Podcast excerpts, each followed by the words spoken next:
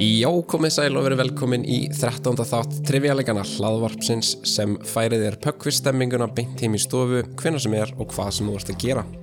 Daniel Óli heiti ég og verð þáttastjórnandi ykkar dómar og spyrill, en keppni dagsins er ekki bara samin af mér. Heldur er hún samvinnuverkefni okkar Stefáns Geirs, sem hlustendur ættu orðið að kannast nokkuð vel við, en Stefán hefur verið tíðu gestur hlaðvarpsins allt frá fyrsta þætti trivialegana. Þannig ég ætla að hér með að eigna mér allar geggjuðu spurningar þáttarins og ef einhverja spurningar fokast upp þá er það alfarið Stefán að kenna. En já, með mér í dag eru nokkru keppendur kunnugir hlustundum. Nikar, Ingi, Jón og Kristján. H, E, J og K. En þeir voru náttúrulega valdir í þáttin engungu fyrir hlustundu þáttarins sem þjást af OCD. En já, hvað segist drakkar? Hvað hefur búið á ykkar dag? Undanfarið?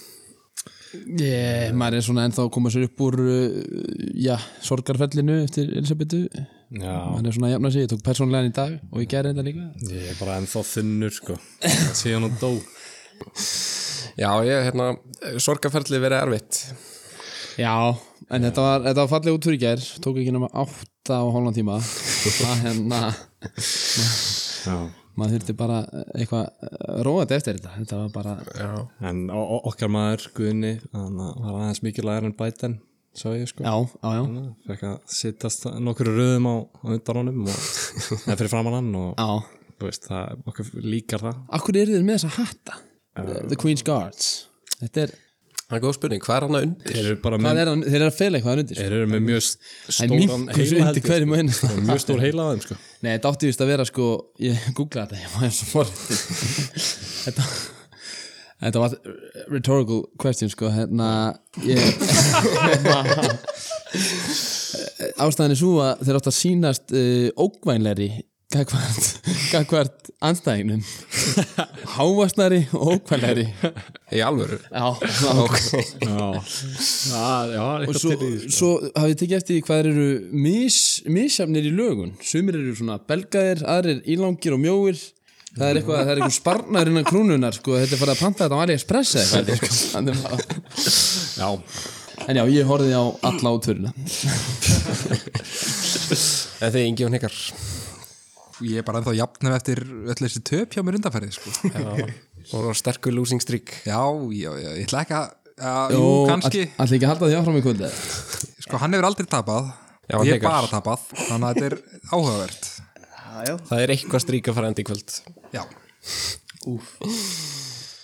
Já, þáttu dagsins er í bóði snillingana í Elko sem eru orðnir styrtaraðalar trivjalegana Híðan í frá mun því vera nýr dagskraliðir þar sem við fáum Elko spurningu í byrjun hvers þáttar Ég ætla semst að gefa hverju liði eina Elko spurningu og það er engin pressa á liði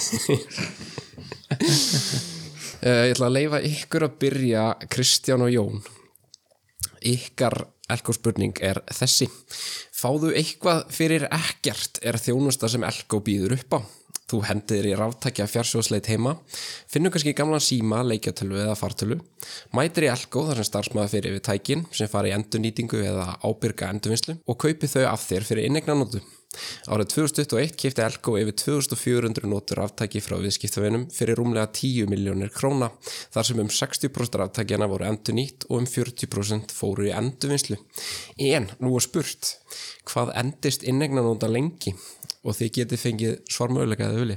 tvö ár hróðgóði ef að segja ár hróðgóði já, já, þetta er ár hróðgóði já. Vil segja ár? ár, Nei, þetta er ekki ár. fái, Hnikar fái og- svaretin Já, þið fáið Er, svarið. er stig fyrir þessa spurningu? eða? Nei, þetta telur sérst bara með uppbytuninni. Já, ok, ok. Þannig að cool points Já, er sérst liðið sem að vinnur uppbytuna og þessar spurningar, það fær yfirleitt að byrja í flokkur. Ég ætla bara að leifa þér að svara þessu já, uh, sko, ef ég maður rétt þá gilda þeir bara á meðan búðin er starfandi það er engin endingatími, Þú ætla að segja engin endingatími. engin endingatími Það er rétt, það er, þetta er bara endalust. vá, það er vel kert það grínast það Já, líka bara þú veist, með, þú veist, fullt af símum og drasli heima og þetta er að nota, fá eitthvað fyrir, þú veist, fá eitthvað pinning fyrir. Já. Það er náttúrulega gali samt, þú veist, að innignóttur að gjapir renn út yfir höfu Þú veist, þegar þú kaupir bara voucher í, í sambjóð og maður rennur út yfir tvö ár Þetta er bara basically að segja, herðu, peningurinn rann út Ég held að lögbundið sé áriða tvö þú veist, það má ekki vera skemur en áriða eitthvað svo sko. en, en munið ekki eftir hana Eymundsson eh, sem sagt, stólnum sem var keiftu fyrir inneignanóttur Íms stólin Já, þeim var neitað að kaupa hann fyrir inneignarnótur Já, og hún var, það var einhver heldri kona sem hafði skilað eh, bókum fyrir inneignarnotur mm. og keipti stól fyrir 1100.000 krónur fyrir miljón fyrir inneignarnotur Margar jólagjafir hann Uh, já, þá förum við í ykkar spurningu, Ingjón ykkar. Á heimasíðu Elko má finna afar uppluga og þróaða leitavél sem gerir viðskiptmennum klift að leita að réttu vörunni með mjög nákvæmum leitaskilurum.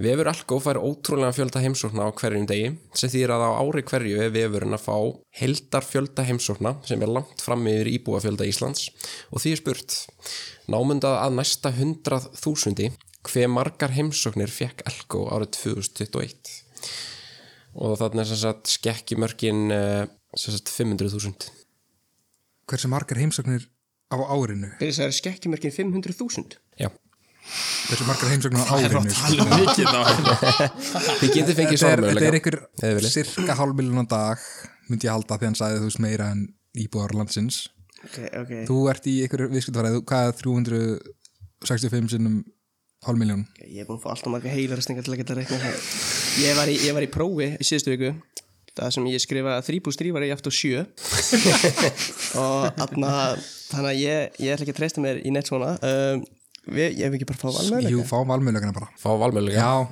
A. 1,2 miljónir B.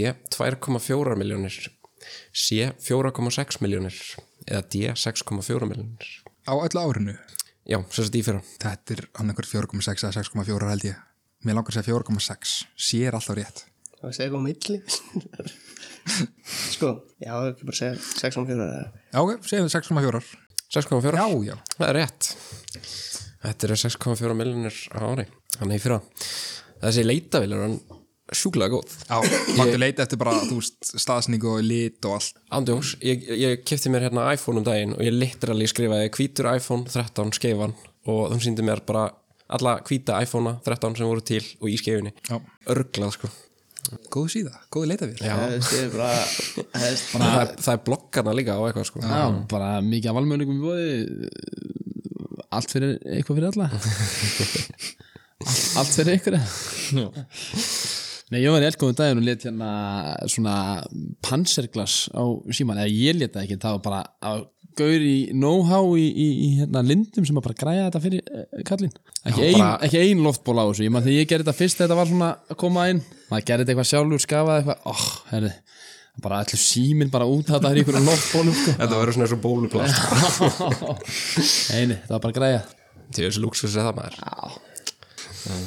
Herra já, mér langaði líka að benda hlustendum á nýja heimasíðu trivialegarna trivialegarnir.net Hún var enda sett upp fyrir sumar en við höfum ekki beint auglistana enga til Á heimasíðinni má lesa alla nýjustu fréttir og áhugaverða greinar um trivialegarna og þar er einnig hægt að hlusta á alla þættina sem og senda inn spurningar í þáttinn eða lumið á okkur skemmtilegum triviaspurningum og það er aldrei að vita nema það er rætt í næsta þátt Svo munum fleiri spennandi nýjungar bætast inn á vefsíðinni í framtíðinni þannig að fylgist endilega vel með kæru hlustendur Getum við ekki fyndið mynd af Daniel á F-síðan Jú Nú er allir að fara á síðan að skoða Daniel sko. Það er líka, það er líka mynd af þér Ingi Það- Það er fallið mynd Já, já, þetta er aukt að fara að fara inn á þetta Það sko. var svona smá um, um svona, já, þá sem hafa verið virkastir í hláðarpinu og, og það stendur um um þig að þú ert mannvinnur og lífsspekulant. Já, ég tek alveg undir það sko. Mér finnst það fallega texti. Mér finnst ég verða það Lýsið þið vel. Takk fyrir Ég held að uppáldum mitt sé svona Magnús, það er hérna MySpace áhrifavaldur og áhuga maður um allt brúnt. Já, Mér finnst það líka lífnum vel. En já, þá förum við í nokkrar upphittunarspurningar til þess að hýta liðin aðeins upp. Fyrir þessar spurningar fórst engin stig, þær eru bara til gamans. Ég ætla sérst að nefna eh, nokkra leikar eða leikonur og liðin þurfa að segja mér hvort þau hafa unnið fleiri Óskarsvelun eða gefið út fleiri stúdíoplötur. Og ég ætla að lefa ykkur að byrja. Kristjón, ykkar leikari eða leikona er Jackie Chan. Hefur hann unnið fleiri Óskarsvelun eða gefið út fleiri stúdíoplötur? Stúdíoplutur Já, þú veist, það myndi ekki koma óvart ef að, þú veist, áður en hann byrja að leggja í kvikmyndum að hann gaf út svona 400 stúdíuflutur Já, það bara kemur null á í, óvart í Hong Kong, sko. Hann er ekki frá Hong Kong, ég held að, Jú, minni það. Já, stúdíuflutur alltaf daginn, Ég ætla að segja stúdíoplötur. lortmál, þetta er reggi hann er, hann er reggi maður sko. mjög reggi maður Þetta er hárétt, hann er með 20 stúdíoplötur á bakinu kallinn. Holy shit. en bara ein Óskarsvelun og það voru svona heiðursvelun 2016 Þetta er bara almenn þekking já, þetta var ekki gísk Það gefist já, já. Uh, já, þá fyrir við til ykkar Ingi og Hnikar Þið fáið meistaran Robert Downey Jr. Hefur hann unnið Óskarsvölin? ég er bara ekki Hefur þetta er hann ekki, þetta gefið er ekki út ná plötu? mínu sviði sko. hann, sko, hann, Hver er hann, er þetta? náttúrulega- hann er náttúrulega dópisti sko, hann, hann Já, hlýtur að hafa hann hlýtur að gefa út tónlist á, sko. einhverja einhverja techno-pop hann með, með, Hardbase? með skúter eða eitthvað skýrur þegar hann var í Vímu ég vildi segja Ég er alltaf til í stúdíuplötuna sko. Ég man ekkert fyrir að hún er vinna Óskar. Kannski. nei, sem stúdíuplöður Stúdíuplötur, já. já. Þetta segja stúdíoplötur? Já. Það er hárætt Hann er með eina stúdíoplötu sem að gáði 2004 Það var rugglir þetta maður en hann var aldrei unni Óskarsvelun Hann var tilnæmdur samt hérna 93 uh, fyrir Chaplin og svo hérna 2009 fyrir Tropic Thunder Var hann tillind fyrir Drop Thunder? Já, tjóks ekki minn Það, okay. verið, það var mjög slæmt bíómið ár Já, Eh, Þið fyrir þá til ykkar Kristjón það er allan að Það er ekki rapplata hjá honum Nei, Nei Ég, ég reyndar kynnti mér ekki plötuna en það verður mjög áhuga klassísk Þetta var einhvers að þunga málmur. Láta hitt Iron Man. Eh, Þið fáið Tom Hanks Já, það er mikið svona college grunge maður Já, Svona, gáði mikið hérna, grunge á sín tíma já hann í 90s Þetta hljóta að vera Óskarar Þetta er líka hann að Söng hann ekki hann að Hann var líka barnið framan á Nevermind hjá Nirvana Já, já, búin að vera mitt að standa í stöðu málaferðlum en þannig að Jón sagði mig hvort sé að ruggla En hann syngur You got a friend in me Um Já, og my- hérna og hérna Always look on the bright side Ef þið, ok, stúdíoplata en að en þetta er ekki sjens að hann hefur gefið fleiri stúdíoplata Nei, nei, þetta er Óskarar Þetta er hangsarinn, sko. Já, já, Hanks, Óskar Já, já, þetta er ekkert flókið Þetta er bara svona, tvö Óskarsvelin á Hangsaran En ekki ein stúdíoplata Eruð þið Ekki- með- er- ekki enn. Nei, ekki enn Eru þið með hérna myndinar sem hann vann fyrir uh, Forrest F. Gump Forrest Gump og hérna Uh, Terminal Nei. Saving Private Saving Nei, þetta er, hann vann þetta sérst, held ég árið áður, ég held þessi 93 og 94 Þetta er Philadelphia Já, þegar hann leik Ah, hérna lögfræðingi sem var með HVF og hérna Denzel Washington leik, jú, lögfræðingin hans líka mjög góð mynd en það leiði mig mitt að ykkar manni Já. Denzel? það er Denzel Washington Ú. er það Óskarsfjölun eða stúdíublöður Sko ég er alltaf skellur öllu svona kvikmyndadóta en ég veit ekkert hvort hann hafi unnið eða fyrir hvað hann gæti hafa unnið. er, erum við að tala um skýrur þú veist hann persónlega vann verðlun að leki minn sem hann verðlun já, sem sagt, hann sjálfur vann ok það er ekki að segja bara plötur hann hlýtur að gefa ykkur rapplötur hérna. hann að- Ég, ég hallast eða meira orðið af uh, kvi- kvikmyndunum, sko, Óskarum, Óskurum. já hvað var hann að þrið túkans eða Ég veit að ég, ég veit ekki hvort ég sé mynd með honum. Sko. uh, uh, ég vil Nei, nei, fákið, seg, segjum að hann var fyrir tónlist. ég vil segja Já, stu, já, stúdíublöður Stúdíóplötur. nei, þetta er Óskarsfjölun, hann er með tvö Óskarsfjölun og enga stúdíublöðu ah, skellir en já, sem sagt, uh, þetta eru hann vann sem sagt Óskarsfjölun fyrir kvikmyndana Glory og svo fyrir Training Day en þá fyrir við til ykkar uh, Krinsjón Krins Jón þið fáið andstæðina við Denzel Washington þið fáið Kevin Bacon Ok ég sé hann alveg fyrir mig bara með saxofón bara í- jassa bara vel, jassa yfir sig sko Já, líka hann var náttúrulega í Footloose Footloose já, já. um, Sko, Kevin Bacon þetta er bara klálega stúdíoblöður sko maðurinn hefur ekki unni grammi velun sko Já, hann kann ekki að leika For shit, sko Já, stúdíoblöður stúdíoplöður, það er rétt Þetta, hann er með sjö stúdíoplöður en ekki eina Óskars tilnæmningu, skandal Vá þá fyrir við til ykkar eh, Nikar og eh, Ingi þið fáið Jodie Foster Ok, rappgóðið sko ef ég maður rétt þá er hún þarna, Judy Foster ég bara, ég veit valla hver hún er sko. var hún í hvort var hún í hana Gone with the Wind eða Sons of the Lambs eða eitthvað þannig ég veit ekki neitt sko, grænan sko þannig að þú veist já. ég veit ekkert um popkultúr Herri, við erum að segja Óskarsvölin já, já, Óskarsvölun já, já Það er hár rétt. Hún sem sagt er með tvö Óskarsvölun en enga stúdíoplötu og hún vann fyrir The Accused og líka fyrir Silence of the Lambs. Því litt mestarverk Silence of the Lambs. Þá förum við í ykkar síðustu uppbytun. Það, eh, Kristján, þið fáið uh, Jeff Goldblum. Þetta er bara uh, klálega stúdíoblöður í, hann, hef, hann hefur ekki unnið Óskarsvælun sko. Nei, nei, nei. hann, nei, þetta hlýtur að vera stúdíublöður Frændans mann, Golden Globe einu sinni, þetta það sé bara fræðan hans steg hæst þá sko. hvað er þetta frændan? Nei, ég er bara betur já, já, Jonathan Goldblum. eh, Gold Bloom Nei, það er Jeff Goldblum, honum honum hefur ekki verið bóðið eins og njá Óskarinn sko til að horfa á eins og Nei, ég líka bara skil það mjög vel sko. um, Já, þú veist, þetta er þá klálega bara hérna, stúdíoblöður Hérna er ég stúdíoplötu á Goldblumin. Já, Heru, þetta er hár rétt. Eh, Það eru tvær stúdíoplötur en bara ein Óskarstilefning 1996 fyrir uh, Hmm, Sjokkar myndin Little Surprises uh, Þá fyrir við í síðustu ykkar bring it uh, Nikar og Ingi Þið fáið Bruce Willis ég á erut með ímynd með hann í tónlistinni sko samt Eða ekki sko. það var kvikmyndum reyndar það er reyndar rétt Það er flott það var í þetta jazzinu eða flottu eitthvað. já, svona blúskæ ég hann get alveg séð hann þar sko en ég held að með viskiglas í hendinu Já. upp og- upp á sviði já Eh. Uh, ég til ég segja bara Óskarar sko hefur hann, hann lítur á unna Óskar einhvern Get, getur við sagt, í- í- þú veist, er, er möguleik að hann hafi fengið null í báðu eða þú veist, er það- er það Nei, þetta er annarkort sko annarkvort Annarkvör, þá segja Óskar frekar sko. Óskar. Nei, þetta er ekki rétt Þetta eru þrjár stúdíoplötur á kallinn en ekki einu sinni ein Óskarstilefning ok, Cap er bara, er bara annað hvað leikari með bara stúdíublöður Eh, Liggu við sko Hvað er í gangi?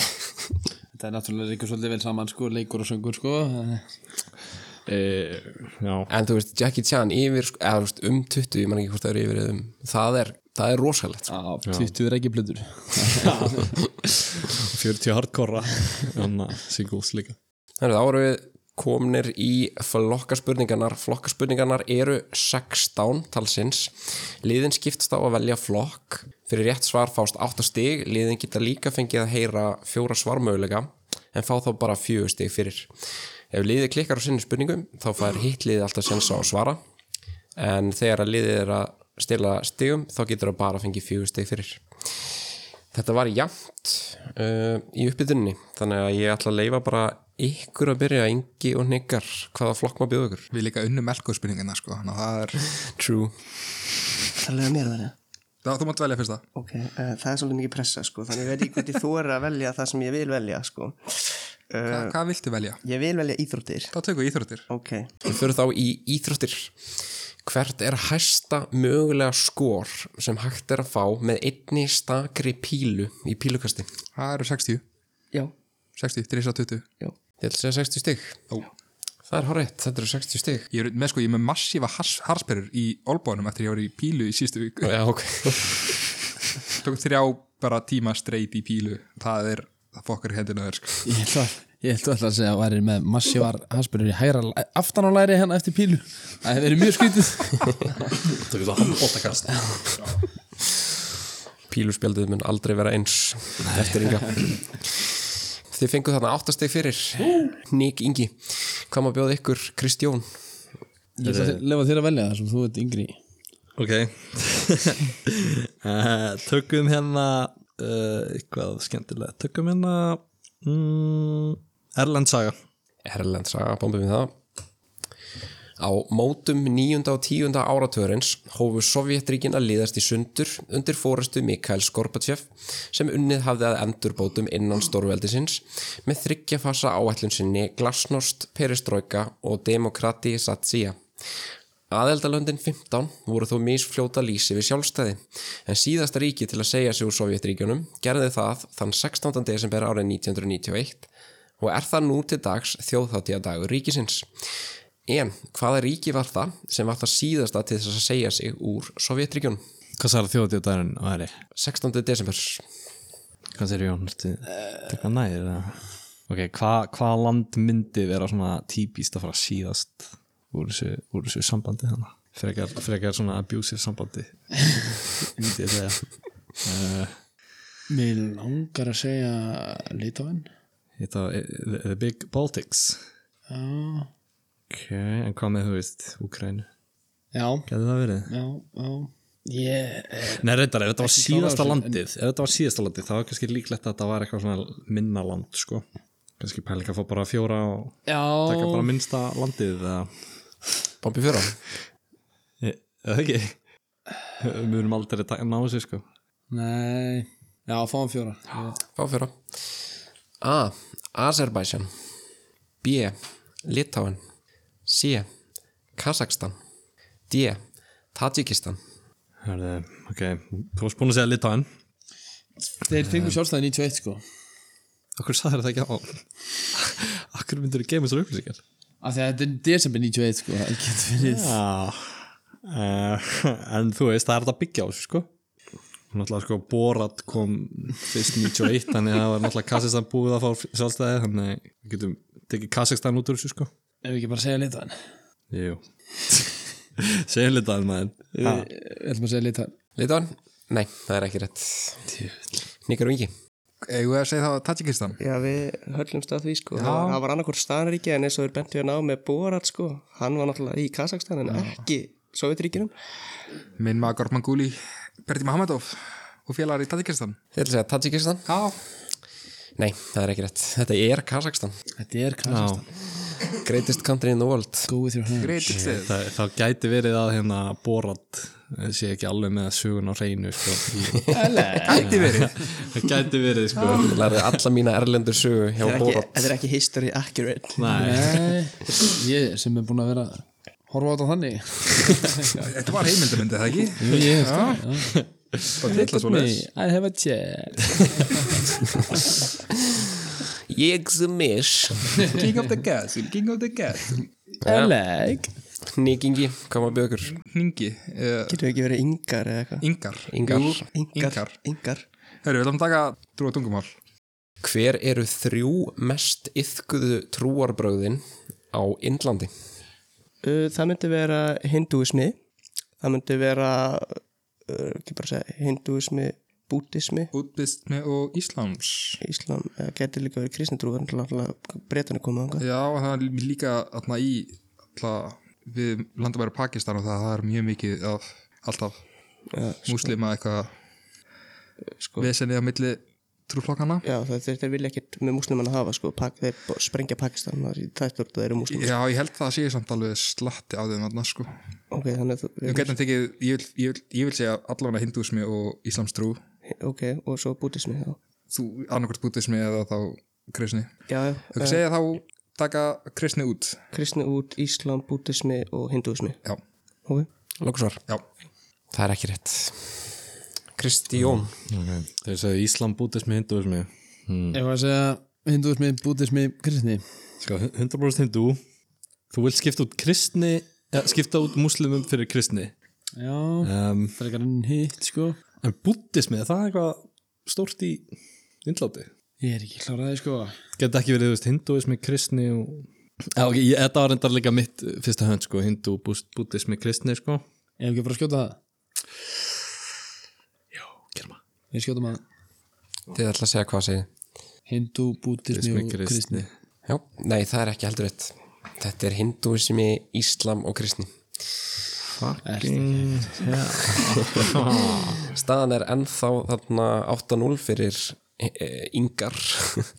voppa Þannig að þá komaði ykkur að velja Kristjón, koma bjögur. Uh, Við ætlum að taka bókmyndir Bómyndir.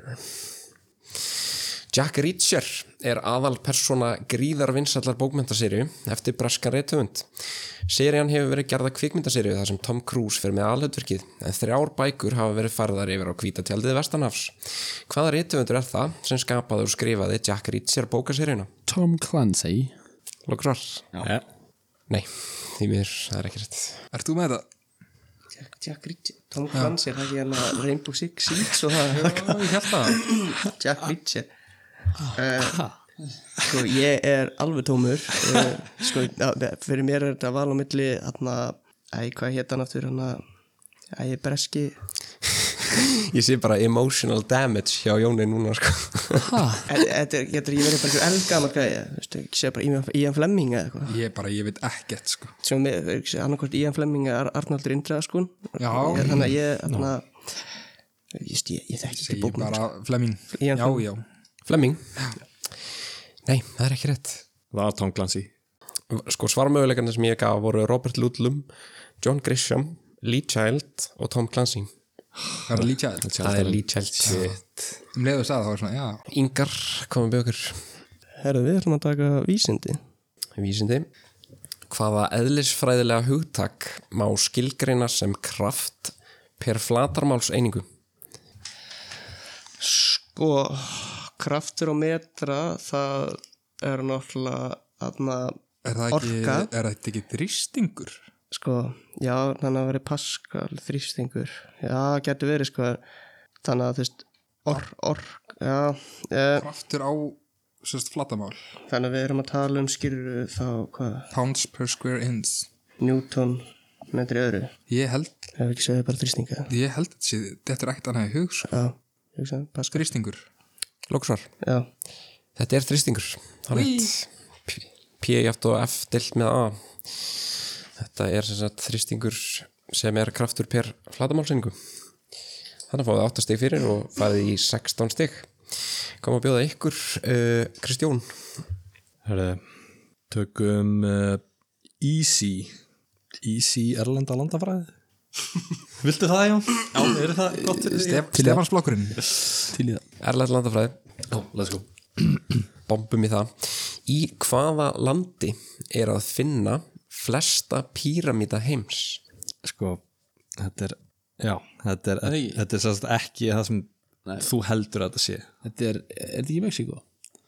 Mér langar að skjóta það, sko Já Við ekki bara að gera það, Átt- átta stig Við erum ekki hrættir við Daniel, sko Ég ætlum að segja Mexiko Þið ætla að segja Mexiko? Já, Nei, það er ekki rétt Peru er Ingi og Sko, Hnikar. það sem mig, mig minnir að það væri ótrúlega mikið einhver staðar í sunnar í Afríku ekki sunnar en Mexiko, það er ekki Afríku en Eþopía ég mér myndi að það veri Sútan eða þú s- s- s- eða Eþjópía það var það var þá annarkvort Sútan Hæli Selassi og Eh, sko við getum alltaf bara tekið um klassískunum Já, segja bara ekkert land út af því að við Já, líðum tónastöld já. algrið trúðar ef það er ekkert land og við segjum það ekki já, segjum það bara svona til að tvítrykja okkur Svo að já, fólk segi ekki heima bara Ég vissi þetta nú þetta er samt, ég er nokkuð sem sé að eitthvað sunnar í Já, já. Afríku en segjum ekkert land Þið ætla að segja Við ekkert erum að land. bjarga andlitu og segja ekkert já, Sko, þið eru búnir að segja rétt svar Eþjópía. það er, Er það er, Eþíópía? nei, þetta er Súdan Sútan já. Ég sko, það splittaði stutt þegar hún er söðu sútan sko Ef þið Ég hefðu var fyllt búin að- þarna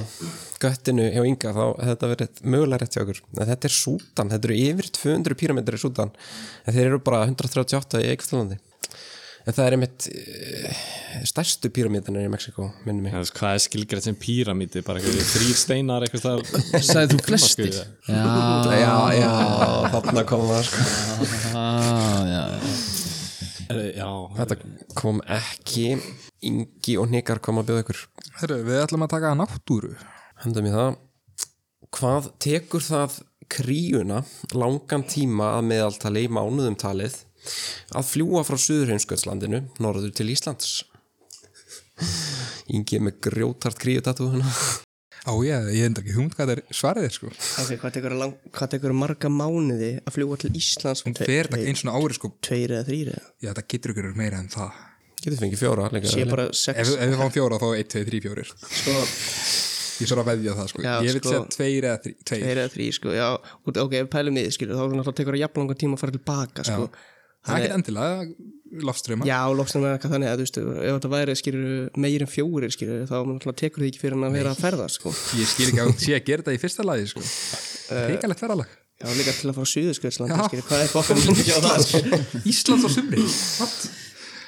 Já, Hefur segðað tveir eða þrýr, þú reyður ég vil frek segja 2 Ég Tveir. trú ekki öðru sko og það fer ekki eftir vindáttum og svona Þetta er að meðaltali. að meðaltali Já, ég held að sé getur ykkur fyrir tveir Þetta gæti, fre- ég held að sé mögulega eitt sko ok, Sefum tveir tveir, ok Já, Ok, tveir tveir Nei, það Jú, það er eitt Ég fór Þetta Banna, var, banna að klippa þetta út þetta var vittlust mert hérna, ég veit ekki hvað En þið- Þú sagði nei fyrst samt Það gildir Þetta eða ekki Það er borfast uh, Þetta voru 8 stig og þarna fara Ingi og Hnigar í 24 stig, staðan er 24-0 Hvað má bjóða ykkur, Kristján og Jón? Við ætlum í íslenska landarfæði Íslensk landfræði Þið kostur inn með Og hér kemur hún Þröskuldar eða Arnkölludalur er nafn vegar sem opnaður var fyrir umferð árið 2009 og leisti þar með annan veg af holmi sem liggur eilítið sunnar. Hvert er fyrsta þjættbílið sem aukumæður kemur að þegar hann ferðast um þröskulda í norðurátt?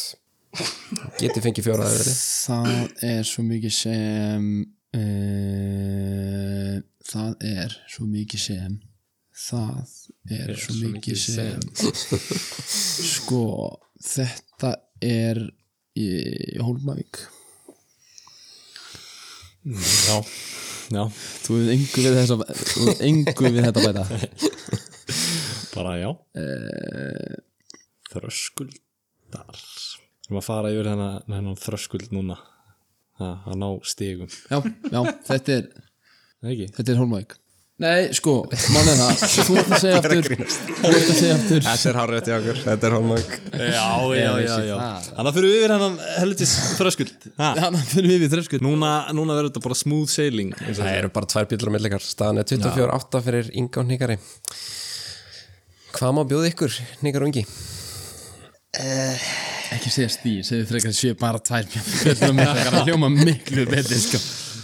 Herri, við ætlum að fara í mat og drikk Þið ætla að hendi í mat og drikk Lýst vel að Cosmopolitan eða Cosmo er koktel sem líklega á rætur sínar að rekja til bandarækjana á fjórða áratögnum Í koktelin er sett límónu og trunuberasáfa ásamt áfengadrykknum Coentrá eða Triple Sec En hvaða áfengi drikkur er það sem er mest af í hefðbundnum Cosmopolitan koktel? Ég var að skoða þess að uppgjöld bara fyrir svona þrejum tökum Og ég tók bara eftir, ég sá það vantaði triple sec og þarna tröðin bara sá, ég bara, æ, já ekki til, fuck it, tökum ekki annað Þannig að, ég veit ekki ég, Þetta er ekki, ég held þetta sé, ég held þetta hafi verið vodki þú, þú, þú ræður sko ég Ég- hef aldrei snert áfengi sko ég Heldur ekki ég? hef ekki unnið. Ekki slæja svona hátt Ekki í dag strákar. allavega ekki eftir háti Já, ég held að ég, ég held að við séum vodki Vodki, Lókusvar já, já Þetta er vodki, hárétt Þið farið þarna í 32 stig Það er bara þrjá bjöllur í það Staðan er 32-8 Kom að bjóða ykkur, uh, Kristjón Herri, fá mér að bara gefa inn stig uh, töluleikir og spil Já, Uppáðurflokkurinn að sjón Jón er náttúrulega gamer, eins og við vitum allir Hendum í töluleikir og spil Hvað fekk hver spilari mörg orustskip til þess að raða á spilaborðið í upprunalegu útgafu borðspilsins Battleship voru ekki bara frekar fá eða? Í- Jú, var, var ekki eh, að, Undir tíu þetta er Sko, Fjögur eða sex mér eða. lang- mér langar að segja að eitt svona huge flugmóðskip eða eitthvað og svo tvö af hverju svona að minni típunni eða eitthvað Þannig, ég hef ekki að segja bara nýju skip Níu skip Nýju, nýju skip Eitt flugmóðskip og svo tvö af einhverjum litlum Þetta er bara, þetta er bara gisk, sko Mér finnst það heldur mikið sko. Nýju skip Ég geti fengið fjöra Þetta hafa eitthvað til að Já, samt Það hafa eitthvað til að skjóta á sko You sunk my battleship sem maður segir sko. Ég bara ég, Þú ert sérfræðingurinn Þú þú ert sérfræðingurinn þú, þú veist, þetta er geðstig Þú sagðir Þú sagðir undir tíu sko. Þú sagðir undir tíu Já, Þannig, og þú veist, ég er að hallast að nýju Einu flugmóskip og tvö en tólf Nei, það er alltaf mikið Mér finnst átta samt líklega en níu sko.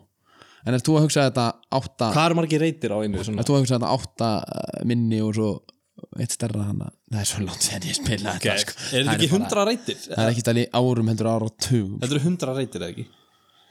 Tí- 10 Ég by bara- 10 Jó, eitthvað, jó dæmi. Sko Nýju En tólf Akkur tólf Æ, það er eitthvað svona Þetta er, alltaf, þetta er aldrei sléttala sko En þið getur líka Ákveð svo vissum það Þetta er, Þetta er bara gefin stíg hérna Stjáni oddata. Sko, Þið getur alltaf tekið fjóra, þið fækki svarmöguleikunum mjög mikið ef þið gera það það er rétt Það fáið 8, 9, 11 og 12 Tök, já, ég meina, tökum fjóra Ok Takk fjóra Nei, jú Tökum fjóra A. 3 B. 5 C. 7 D. 8 Ok Þannig að segja, við náðum að útiloka hana eitthvað Herri, Þetta er 7-8 Þetta er sjö átta, sko Ég, 50-50 þú ert alveg hand, handviss á því að þetta sé ekki hlettala Ég er hlandviss að þetta sé Það er 8 samt sko, sko líkunar á því að þetta sé óttatala eru meiri minni Já, það eru þrjár óttatölur hana og ein slett Þannig að þú veist þetta er- þetta er, þetta er einföld starffræði Er þetta sjö? heilaða talan um. Ég held það sko Lucky number En er þetta ekki bara fimm? Gauður, hvað er þetta að fara að gera með fimm skip sko ég Þannig að Ég vil segja sjö sko af því Átta. það er sle- Átta tala Segjum Sjö, Segjum segjum sjö Segjum sjö Ef þetta er átta þá skal ég leggja hana í hundra skall Það er til Og ég dur uh, sokkiðin Já. Já, við segjum sjö Til þess að segja uh, Stjáni ætlar að segja sjö Við verðum að segja sjö í saminningu Já, sko við segjum sjö sjö Nei, það er ekki rétt Sko, Ég ég ætlum að vera jafn lengi að þeirra svara sko. Reikningssumurinn mitt er fimm eh, Ég veit ekki hver upprunalega gerðin er En ég held að þetta sé núna að þetta er 8x8 Þannig að þetta er 64 fletir Af því að staðstaskipið eru 5 Og það eru 3 sem eru aukvælega eru Það er, fjórir. eitt- já, það er, sko, það er 5 Staðstaskipið 5 Svo koma 4 Svo koma 2 með 3 Og svo eitt held ég með 1 með 2 Já, Þetta eru 5 Ég held að þetta sé fyrir Það er þannig eins og þetta er núna og ég ætla bara að segja að þetta er svona leikur svo skák sem hefur ekkert breyst og Búin að vera til í mörg þúsund ár já, já, nei, nei, en, en þannig að þannig að, Gerða margar um- bíómyndurum já, þannig að ég er að segja að þetta sé bara það sama og er í dag og það sé fimm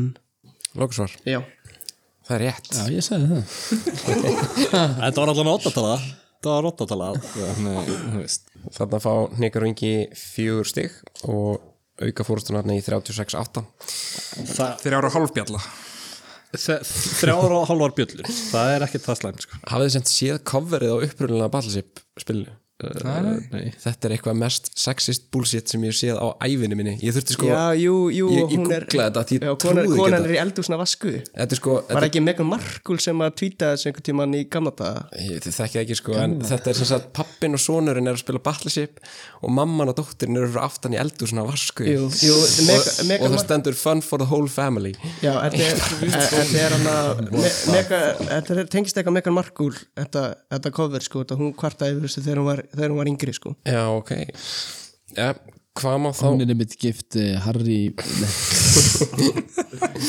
bónustig Hvað má bjóða ykkur, Nikar og Ingi? Ég segi bara tökum ímislegt Ok, ímislegt Beint ímislegt Hendum ímislegt Árið 2012 Kony 2012 Árið 2012 byrtu svissneskir vísindamenn rannsókn þar sem skoðuð voru yfir 2,5 miljónir döðsfalla í Sviss á árabilinu 1969-2008.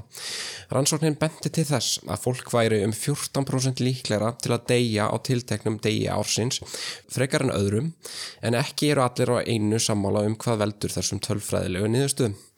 Hvaða dagur er það sem fólk á að vera um 14% líklegra til að deyja á samkvæmt þessari víðfrægur rannsókn? Sko, sko Me- Fyrsta er náttúrulega að sé einhver hátíðstægur þar sem allir eru gerð þunnir en, en einhvern tíman heyrði ég frá uh, KAG í Borgó, kennara að flest umferðar óhöp og umferðar slís er stas að daginn, daginn eftir að klukkunni er breytt okay. að hann er flýtt út af því að þá náttúrulega er allir að vera á seinir í vinnuna Já en ég er að spá, þú veist, getur það verið eitthvað það? ég er, getur Mér ekki þetta fyrst sem þetta þið var bara svona á ammælsteginu sínum eða eitthvað hannig Já, já, En hann- nema sér spyrum bara einhvern hann er að spyrja um einn einn ákveðin ákveðin dag sko Ok, um, um, getur getu, ef ekki taka bara fjóra ég er yngur jú, tökum fjóra Vil taka fjóra?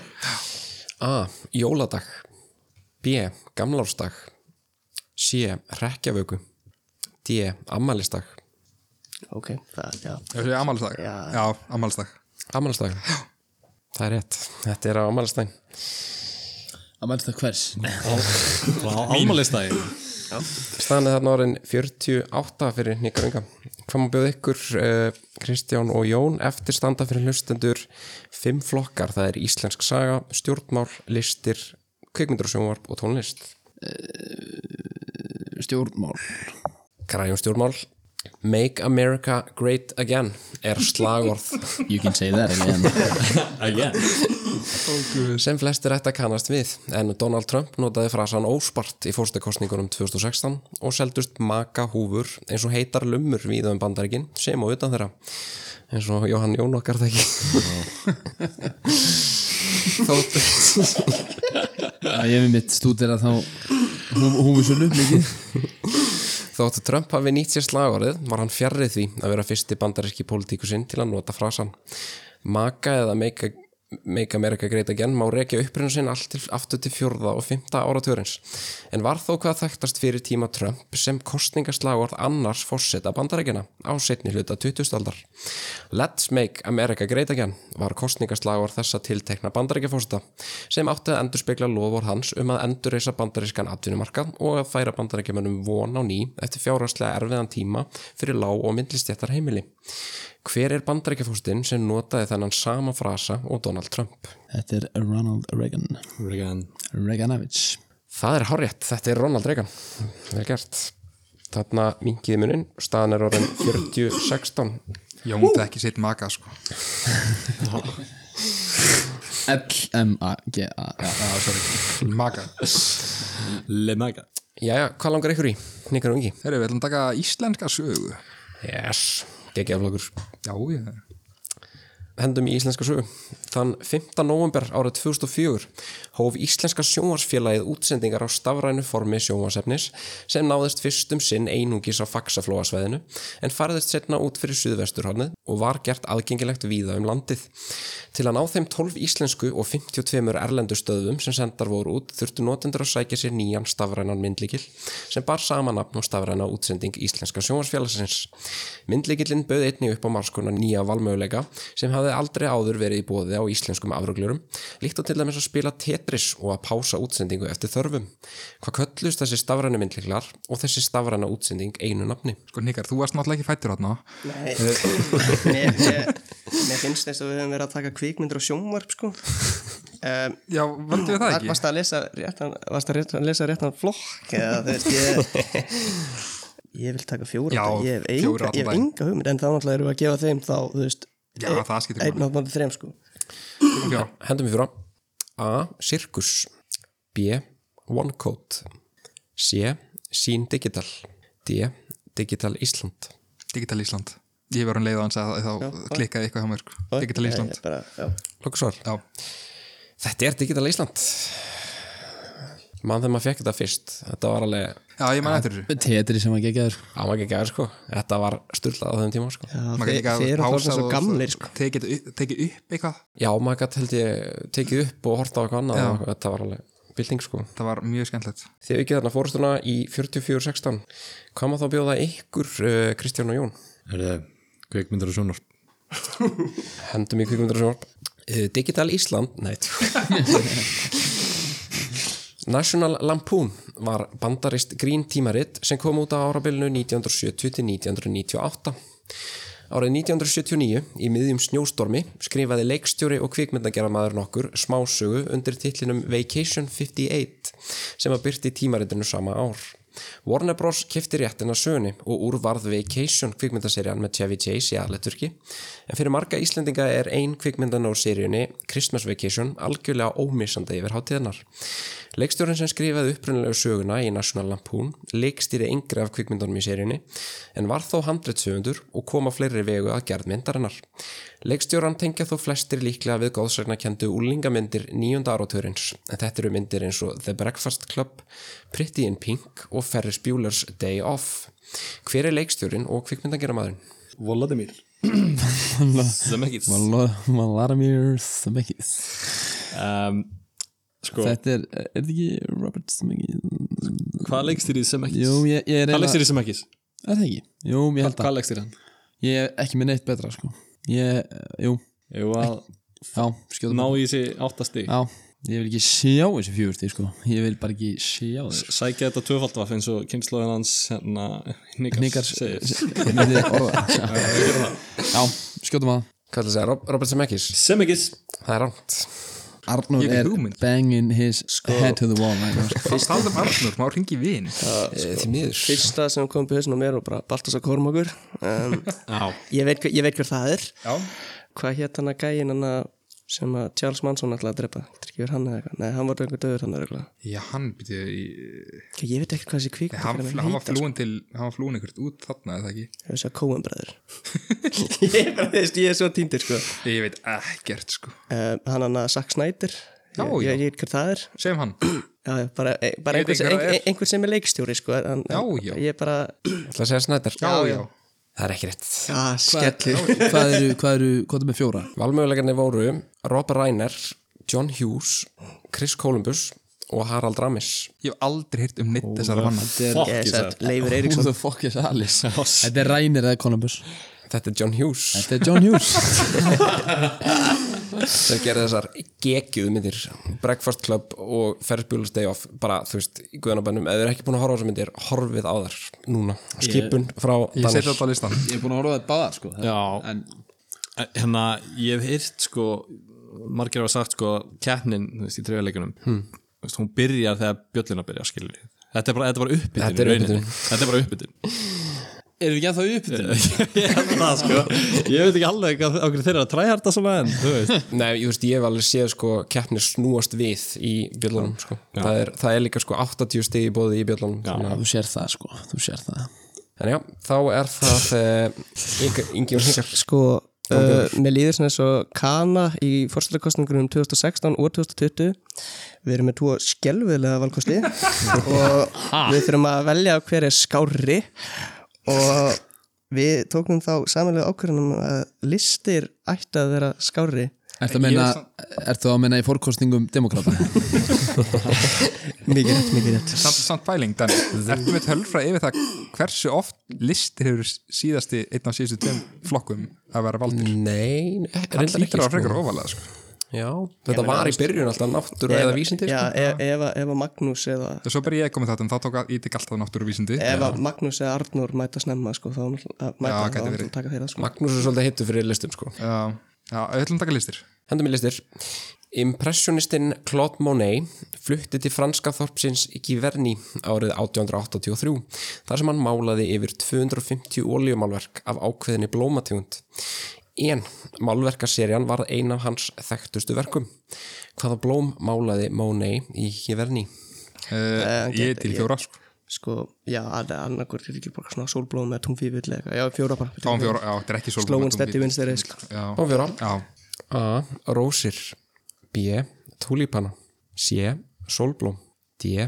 Vatnaliljur Þetta eru vatnaliljur, held ég, alveg örgla Já, ég vil segja vatnaliljur Lókusvar Já, ég sé það fyrir mér í mánu í stílnum sko.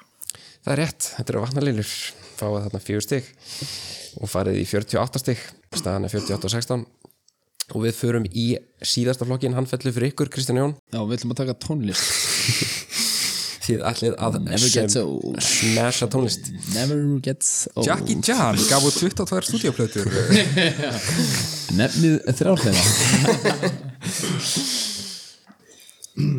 Hér kemur tónlist. Bítlarnir voru það allra stærsta í heiminum, samkvæmt þeim sjálfum og reyndar flerum á 7. áratögnum. Árið 1968 reyndi hljónsvitin að fá réttindin að The Lord of the Rings eða Ringadróttinsu til þess að gera kvikmyndar sem Paul McCartney hefði leikið Frodo og John Lennon hefði leikið Gollum.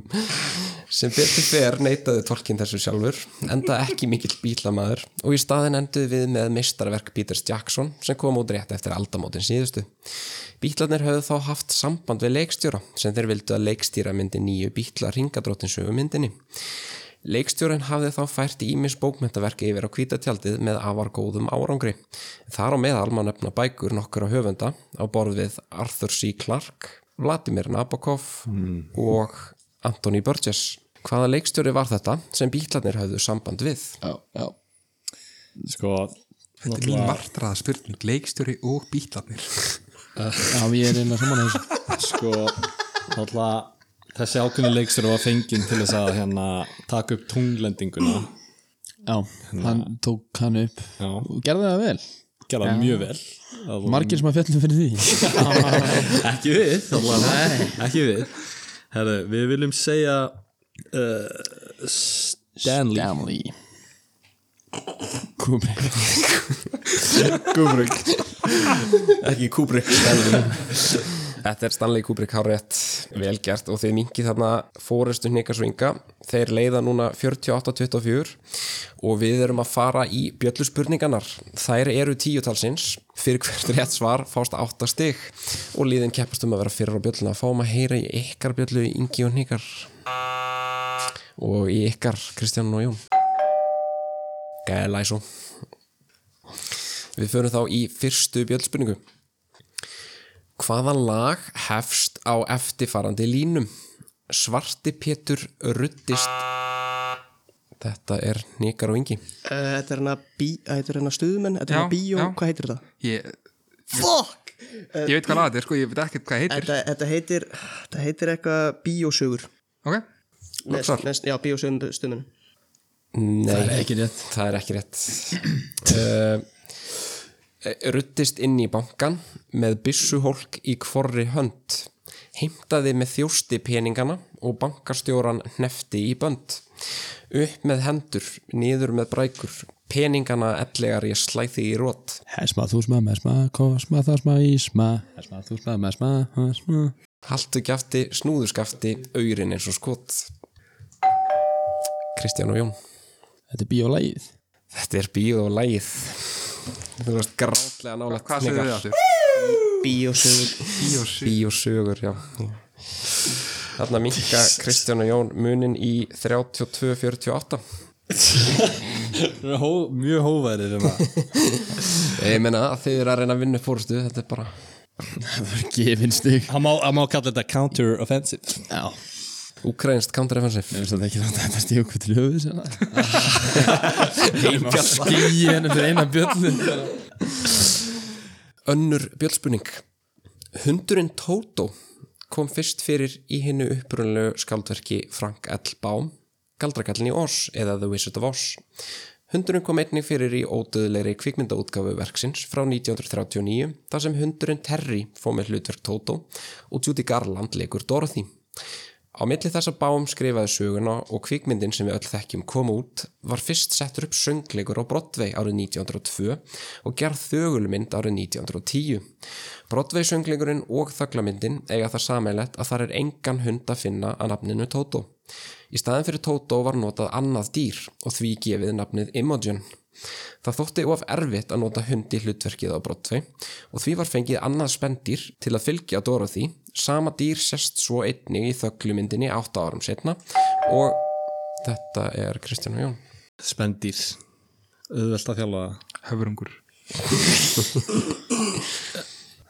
þú veist, simpansi eða eitthvað Imogen Já, rindar, já, já Ef að segja það, abbi ja, bitu, bitu, bitu, bitu. Imogen, Imogen, Imogen Imagine, það Imogen, þetta er svona írsnafn Þetta er svona írsnafn, skilur við Já, já, þetta er- þetta er þetta er mjög írsnafn sko. Þetta er írst Það er ekki bara að segja Íri, sko, það er svona ángrís Imogen Imagine, eh, ég myndi segja simpansi Imogen all the people Ok Það var ekki þegja, sko En að uh, Mér langar til að segja simpansi Já, ég er til ég En þú veist, Simpansi eh, þetta gæti líka bara verið köttur eða eitthvað, sko Nei, það er erfitt að þjálfa ketti Mér líður svo þessi apa í- Ég hugsaði köttu fyrst, sko ég, eh, Þeir eru rólegri þetta en hundar og, og bara svona frekar statik, sko Að beða simpansi Það er fyrst með auðvitað að- samt það er auðvitað að þjálfa simpansa örugglega. Ah, Nei, örglega ekki Hérna, Hennar Og bara eitthvað simpansi sem tiltið er bara til Ós, já Ég ekki að segja köttur Þeir eru með simpansa bara með sér í för bara En það var eitthvað Það er 1902 sko. Já, þetta var, já Segjum köttur, eða ekki Ég þarf að fara að fá svar. Við ætlum að segja köttur Jú, við ætlum að segja köttur Kvættur? Nei, það er ekki rétt. Skotin, Stjáni Sko, ég er nokkuð sem sé abi Ég held að fara um spurningar á. og því var fengið annað spendir til að fylgja Dorothy. Sama dýr sérst svo einni í þöglubindinni 8 ára setna og enn undir sama nafninu eða Imogen. Hvaða dýrategund var Imogen? Sko, sko, Ég held þetta er ekki api já, sko, hvað dýr tegund, ok, ég fyrir að segja api þá. Já, já, api Við þurfum lagnarska að heita dýrinu Nei, þetta er ekki rétt. Þetta var kú. ah, Imogen var kú. Hvað er svona, við getum að þjálfa þær, eða? Getum ekki verið Þær ósættir hreyfa- Getum þú ekki verið ósættir Ég er satt, mér fannst ógeðslega að fyndið að ímynda mér Dorothy að leiða simpansa inn í, inn í oss Já, það var svona ein, eina við það er út af því að þú veist, apa, apanu voru alltaf vondir, sko, þannig að það hefur verið smá, smá skrítið, sko. Þarna, hérna, Í hvaða fylg er þetta aftur? Þarna, Þetta er Kansas já, Hafi, Hafið þið séð hérna Nope, nýju Jordan Peele myndina? Nýja djórn Jordan, Jordan Peterson minn Hvað sagði þið? Jordan, Jordan Peele Jordan Píl Ég heyri bara, nei, Stján, Kristján heyri bara það sem hann vill heyra Ég sagði ekki veit Var hann búinn að gefa út nýja mynd? Ég er Jordan Peterson e, ég hef ekki séð Það sagði ekkert um það á fyrirlestrinum hérna Já, Ég ætti að vita Varst þú ekki að skipleggja þennan finnmiðunum, þarna hörpunni? Já, þetta kom ekki í staðan en þá 48-32 fyrir Hnikar og Inga Við förum í þriðjubilspurningu Hvaða þjóð er það sem hefur oftast lent í öðru sæti á heimsmeistaramóti Karla í knattspilnum? Þetta var Hnikar og Ingi Uh, sko, sko, Brasilia hefur oftast unnið, Fimsinum uh, já, uh, þjóðverjar hafa unnið næst oftast, uh, þeir eru fjór, fjór, fjóru sinum, þeir sem hafa lengt oftast í Er ekki Ítalía? Ítalja, nei, þeir, þeir eru alltaf, sko, sko, ég held að þetta sé bara Þískaland eða eitthvað, sko. Um, þannig ég, ætla Eh, held að segja, ég ég, vil, gott ég vil segja bara Þískaland. Já, Þeir, þeir töpu, held ég, á móti, á móti Englandi, 66. töpuðum þetta Brasli 2002 Já, þannig við segjum bara Þískaland. Það er rétt, þetta er Þískaland Þeir töpuðu 66, 82, 86 og 2002 Þið farið þarna í 56 stig og staðan er 56-32 Þannig að eftir kemnina þá munið þið að margt sammeilnett með Ískalandi Við förum í fjörðu bjöldspurningu Í hefbundnum spilastokki má finna 52 spil og þar af eru reglum samkvæmt fjórir konungar. Þrýr þeirra bera yfirvaraskegg en aðeins einn þeirra er skegglaus. Þetta er nýkar öngi. Við ætlum að segja hvað hjartaspæði tíu til lauf, hver er skegglaus? Þetta er alveg svo geggjuð vísa Um, Þetta spæði tígu laus Hver að þeir eru Sko. gegn laus? skegglausi hefur verið, örugglega verið laufakongurinn, sko, út af því að hann hefur, verið, þú veist, byrja hjartakongurinn, tegna hann, spaða og svo, Er hún orðið og, tí, þreyttur hérna? og, hann tí, að- og tíu. Allir spaða sem ég þekkir mig verið að Leki segja. kláraðast í pennan. Já, og, og þú veist, já, Magnús hann hefur bara Aldur verið Spaði. orðið þreyttur í Hann er hendur. yfir skegg. Já, sko Ég sé- ég er til í laufið sko Það getur líka verið hjartakongur, hann á að vera svo hreitn og fallegur og hann getur verið bara ekki með neitt Það skegg er það er ekkert jafn hreint og fallegt og gott yfirvarskegg Ok, heyrðu, eigum við að segja þá lauf Segjum lauf Nei, það er ekki rétt. Ég held áfram með spurninguna. Uh, en aðeins einn þeirra er skegglaus. Hvaða konungur spilastokksins er það sem er yfirleitt skegglaus? Var það ekki tíull eina? Þetta er hjartið að tíull sko Þetta er ekki lauf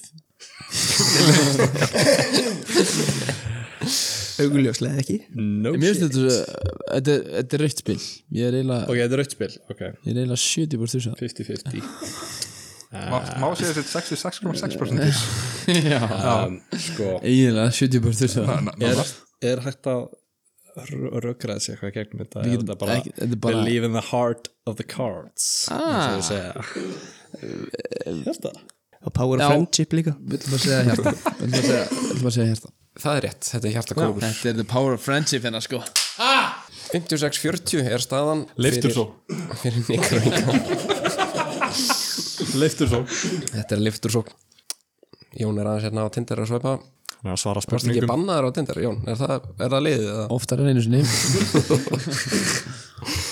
Samt alltaf með platinum áskrift Fymta bjöldspurning Líkt og kom fram í nýjunda þætti trivjalegana eru klassísku Disney prinsessunar átta talsins og er þá átt við mjallkviti Öskubusku, Þyrnirós, Litlu Hafmeina, Fríðu, Jasmín, Pocahontas og Múlan. En setna var svo bætt við fleiri prinsessum á listan líkt og Rapunzel úr Tengold og Tíunu og prinsessan og Froskurinn. Í kvikmyndum allra klassísku Disney prinsessana er þó ein prinsessa sem sker sig úr að því leiti að hún er svo eina til að fá húðflúr eða tattoo. Það er Ingi og Nikar Mér langar að segja Múlan Ok. Því að það er bara, þú veist, það er bara í menningar heimnum Hún er náttúrulega ekki prinsessa sko Já, ég verða að fá þetta rétt sko bara fyrir tím heiðingi sko, þú veist Hún er ekki prinsessa, hún er höfðingja dóttir Nei, hún er náttúrulega bara Þeim ekki fyrir. einsni höfðu getað þið sko Það er ekki í Disney myndinni Já, ég til í múran sko Já, ég held að segja Múlan bara Já, já, yes.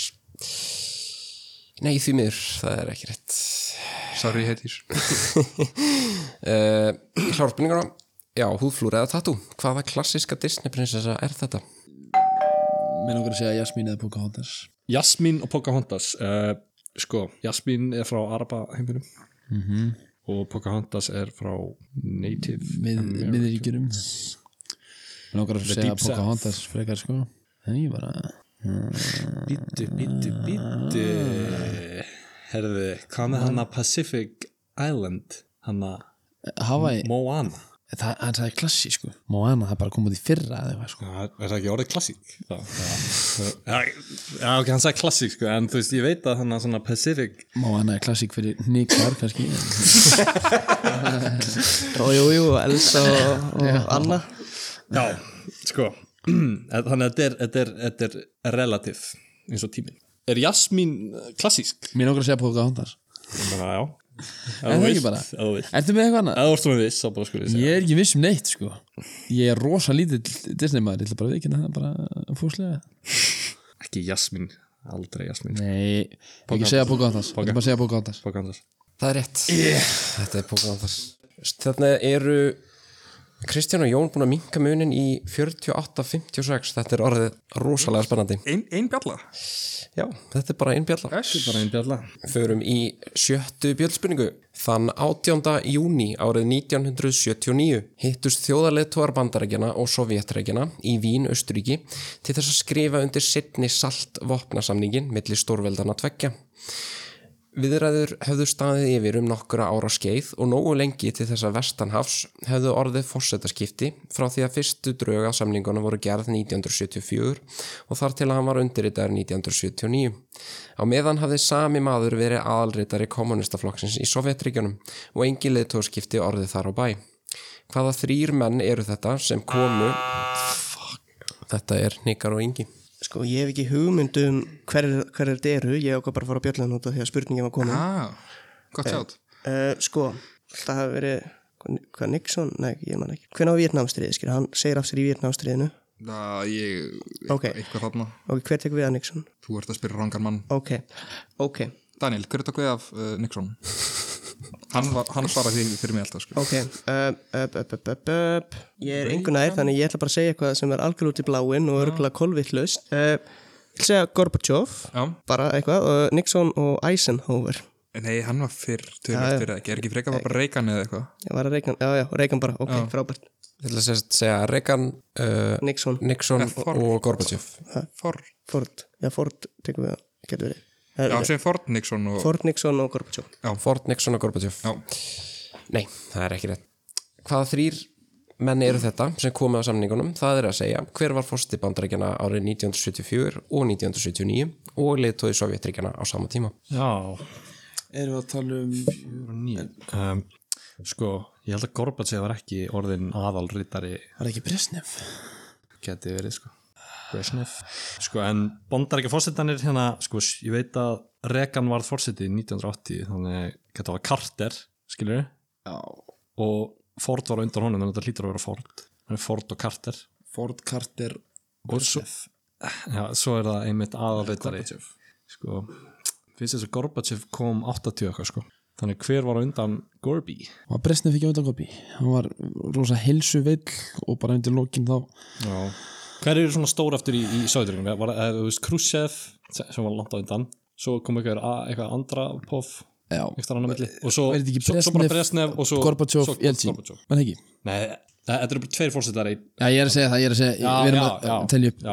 Sovjet segjum, hérna, ef við ekki bara segja Carter, Ford, og Bresnef Brezhi Já Þjóraði jafna 56, 56 Þetta er Gerald Ford, Jimmy Carter og Leonid Brezhnev Vá, þvílitt comeback Við förum þá í sjöundu bjöldspurningu, staðan er 56-56, nýfjönd.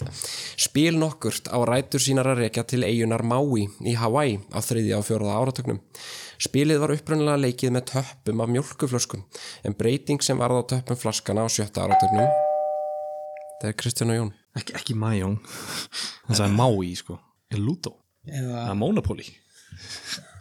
Nei, segir svona ég, Hvað ég veit ekki hvað það gera Hvað heita kúluna hana? Mar Marbled? Marbles En þetta er eitthvað spil, örgulega Marbles Tappar. Með töppum, er þetta ekki að spila Ludo bara með töppum eða eitthvað? Eða það er náttúrulega tening í það Shit Það var að skilja á bak núna uh, Sko, Ludo Já, ég skjóta það bara um En mi- samt hitt, marbled, er það ekki bara leikur? eða? Er þetta kannski hérna checkers? Já, eða bakkamon, eða checkers Nei, checkers er, það er eitthvað evrópstöld Ég Má, ég bara segja Ludo, Ludo er bara búið með þetta Nei, það er ekki rétt. Ég held áfram spurninguna.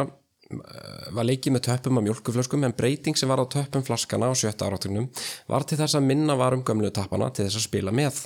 Fyrirtækið Halea Kala notaði þá gömlu tappana til þess að auka sölur og nýjum ávast að drikka árið 1971 en drikkurinn var blanda af ástaraldin, appelsínu og guavasafa. En þrátt fyrir þetta glimtist spilið að mestum tíma. Á tíunda áratugnum byrjaði grunnskólakennarin Blossom Galbiso að nota spilið sem að hún hafði spilað sem barn til þess að kenna nefndu sínum starffræði, en henni var oft tilenguð endurlífgun spilsins.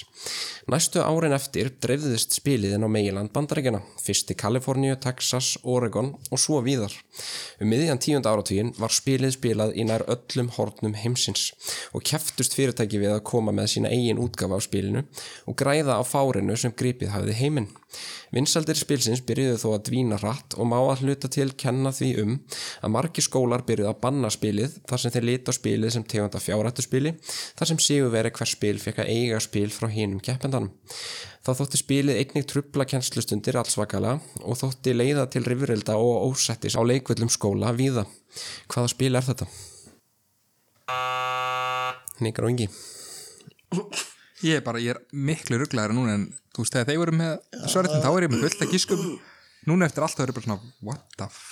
svo bara eiga spilin Já, eina sem ég get hugsað þannig er, þú veist, harka Pokémon spilum á eitthvað hann eitt ótt En það er ekki það En ok, þetta var til að æfa þau í reikningi Já, það er um það sér að, sko, Það var bara Texas Hold'em eða? Í máli býttu reyndar sko með mjölkutappa og svona, það gætin, hei, það var, það var lengur komið undan því Bara rúlletta Nei, þetta, þetta, þetta, þetta kom aftur 90 og eitthvað sko. Þú veist, það var alveg- það er eldra en það Ég er bara með dettur eiginlega ekkert í hug Stráka, hvað segir þið? Er þið með eitthvað fyrir okkur? Eh, Ég er reyna með rúsnesk rúlletta Ah.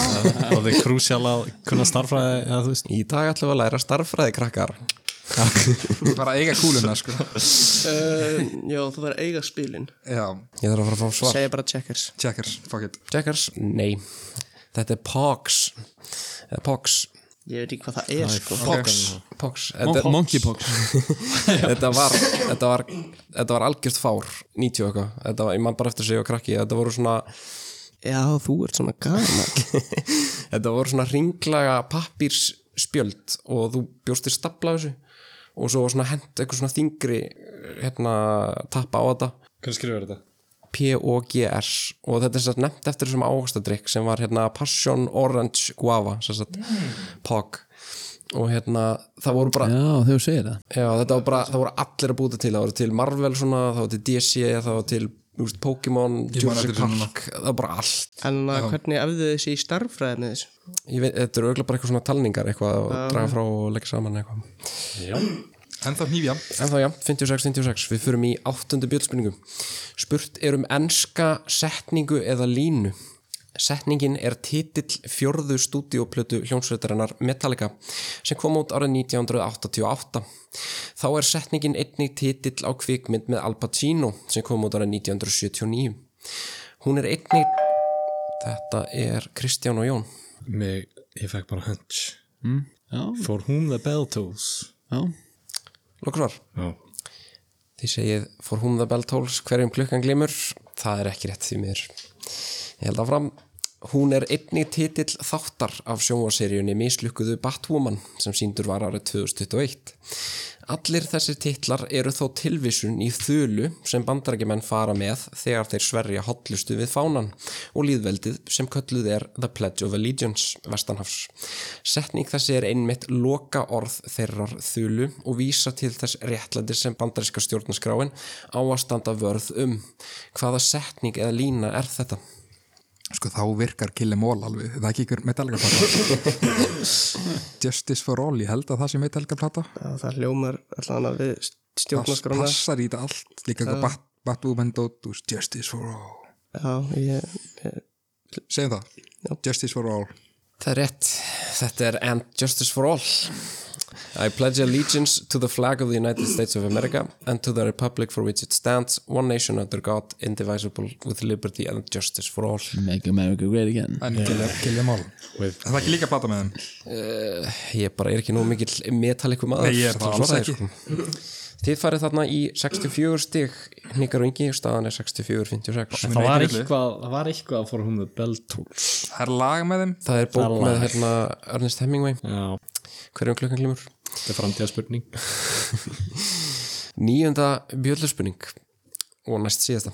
Á plötunni Black Sunday sem er önnur stúdíoplata rappljónsröndarinnar Cypress Hill má finna góðsagnakenda lagið Hits from the Bong. Í því lagi notaði hljómsveitin hljóðbút úr öðru afar frægu lagi.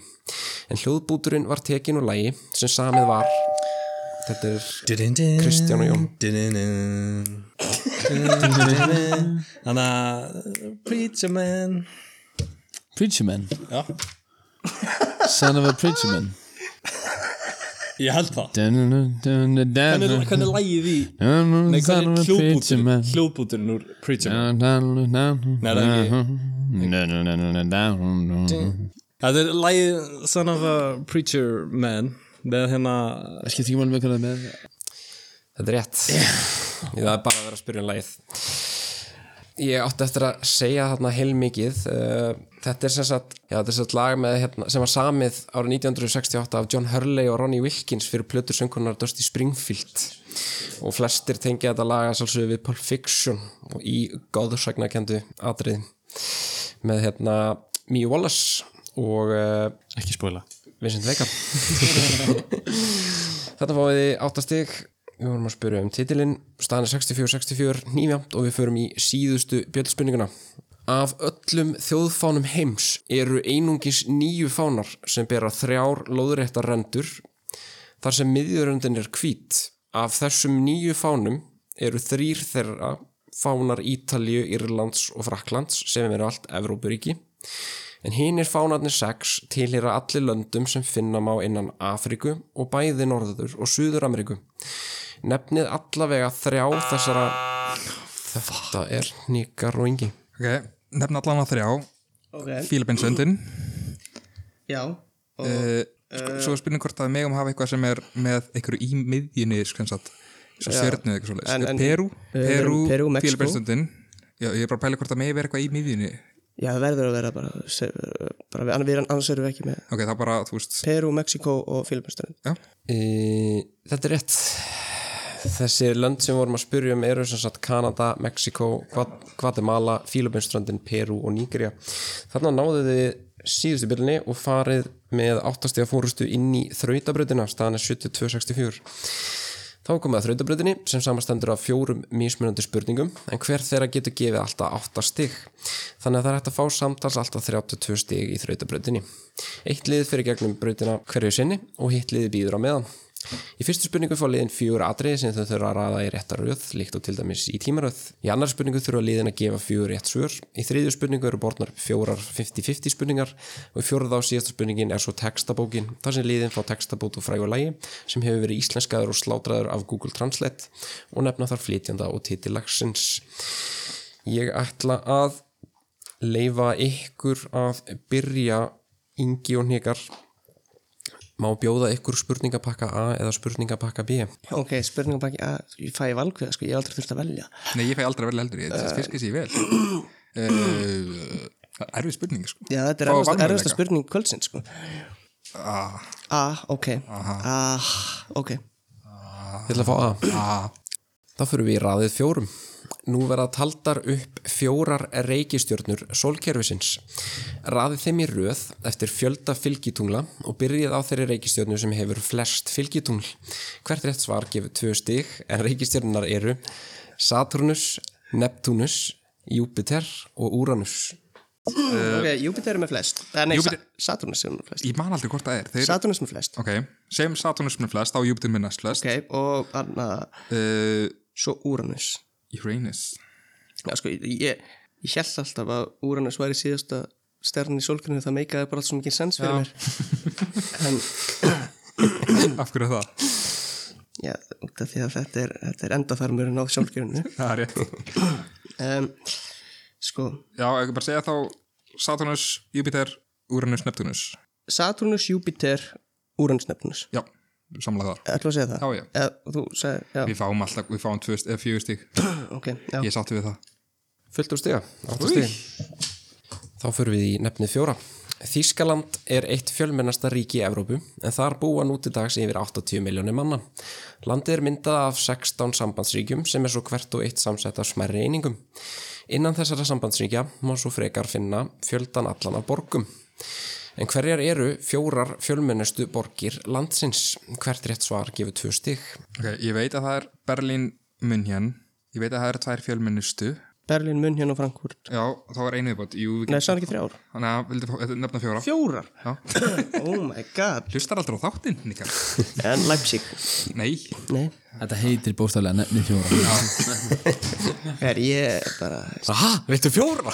hlusta, hlusta Já, já, hlusta á, á spurningar er ekki mitt nei Besta. Sko, já, ef ekki bara segja þá Hamburg Frekar en þú stúkart að Köln eða uh, Ég er bara Mannheim Nei, þetta er, jú, þetta er Hamburg, segjum það Hamburg, Frankfurt, Frankfurt München og Berlín Já, þið getið fengið áttastig og fyrir fáiði 6. Þetta eru Berlín, svo Hamburg, svo München og svo Köln. Þá förum við í 50-50 spurningarnar. Þær eru fjórar og hvert rétt svar gefur tvö stig. Fyrsta 50-50 spurning. Hvort hefur Olivia Newton-John leikið í fleiri kvikmyndum eða gefið út fleiri stúdíoplöður? Nei Hún gaf út alveg slatt af stúdíoblötum ég, Hún leiki grís Já, hún var að deyja um daginn eða ekki Jú. Jú, hún er alltaf Ég held að, ég held að þetta sé stúdíoblötur Ok, þú ræður, ég er bara Nei, þetta er samvinna Ég er bara, þú veist að ég veit ekkert Ok, þá segjum við stúdíoblötur Já, það eru tvö stygg, hárétt. Fyrir mig aðra 50-50 spurningu, hvort landið er starra að flatamáli? Pakistan eða Afganistan? Ú, góð spurning Núna brúsir Stefán Nekustar. Já, Ég mun að segja Pakistan Pakistan Já, ég held að Ok, Lókusvar. Já. Það er rétt. Pakistan er 796, uh, 1000 já, og Afganistan er 653. Fyrir mig þriðju 50-50 spurningu, hvort hölfuleikurinn var gefin út á undan? Angry Birds eða Minecraft? Sko, þetta er eitthvað trick question sko, Minecraft það var komið, sko, ég byrjaði að spila Minecraft lengur en hann kom út, hann kom út setn en maður heldur Hæ, hvað mennur, ég hvernig var að í spila dag beta, alfa og beta ykkur dóti Angry Birds kemur alltaf bara með, komið spjaltöluna sko Nei, hann kom út, ég var að spila hann á iPod Touchinu mínum sko 2009 ég held að hann hafi komið út á undan Ok, ef þú þá að segja það segjum Angry Birds Ok, Það er hárétt, það er 2009, Minecraft er 2011 Þá förum við í fjórðu 50-50 spurningu, það er satt ósatt Frank Sinatra var upphaflega bóðið aðalhlutverkið í upprunalegu Die Hard kvikmyndinni þegar hann var um sjötugt Mér langar því satt hann, mér já, langar að ég segja bara já var ég man að segja já Já, líka. segja bara já, Þetta bara væri- þegar okkur Þetta langar væri það. ofinnskulega til að spyrja um þetta að bara búa þetta til sko Já, Ég ætla að segja já, já, það er rétt Start spreading þú mátt ekki spyrja út í today Þú mátt ekki spyrja því Frank Sinatra þegar þú keppa. to be a part of it New York New York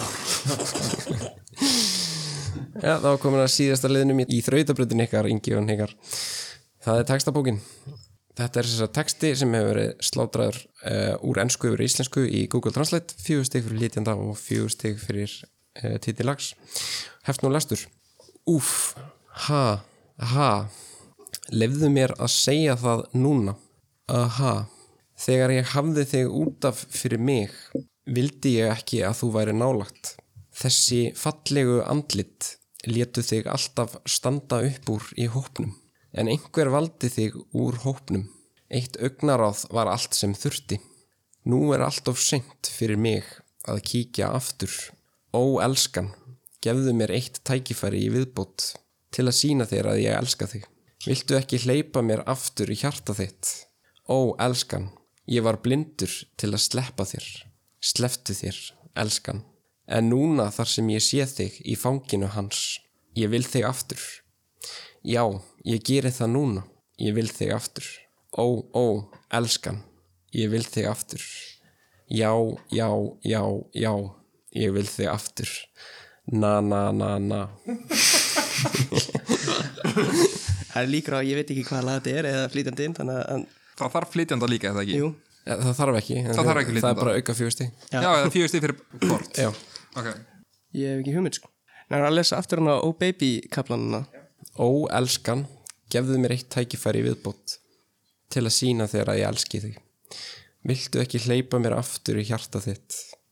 Ó, elskan, ég var blindur til að sleppa þér. Sleftu þér, elskan. En núna þar sem ég sé þig í fanginu hans, ég vil þig aftur. Já, ég geri það núna. Ég vil þig aftur. Ó, ó, elskan, ég vil þig aftur. Já, já, já, já, ég vil þig aftur. Na, na, na, na.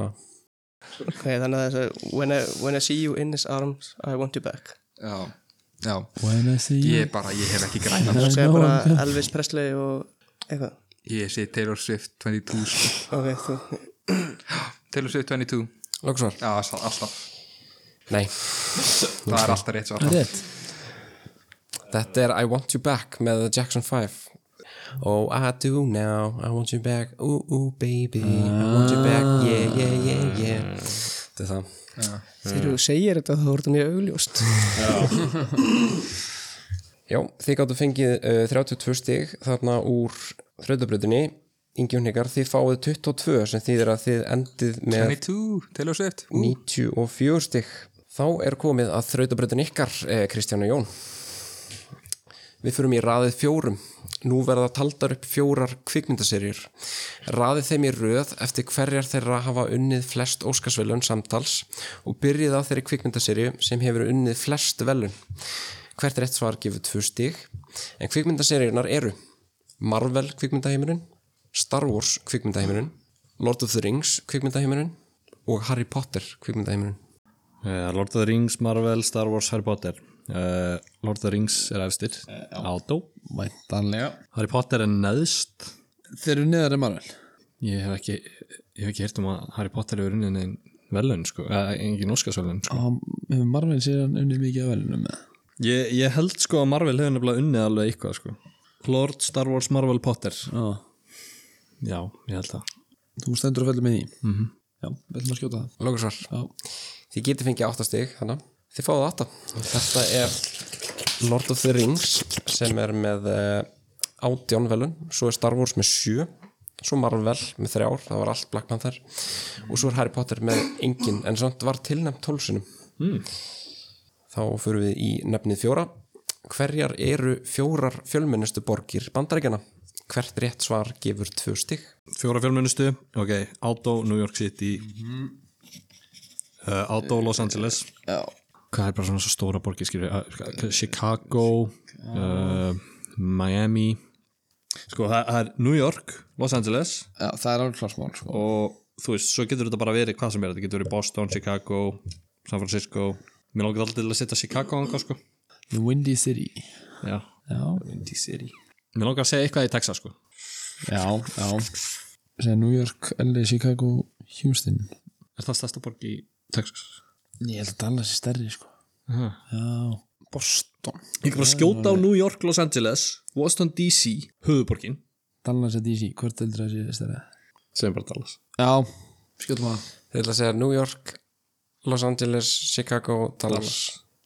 Þið getið fengið 8 stig, þið fáið 6.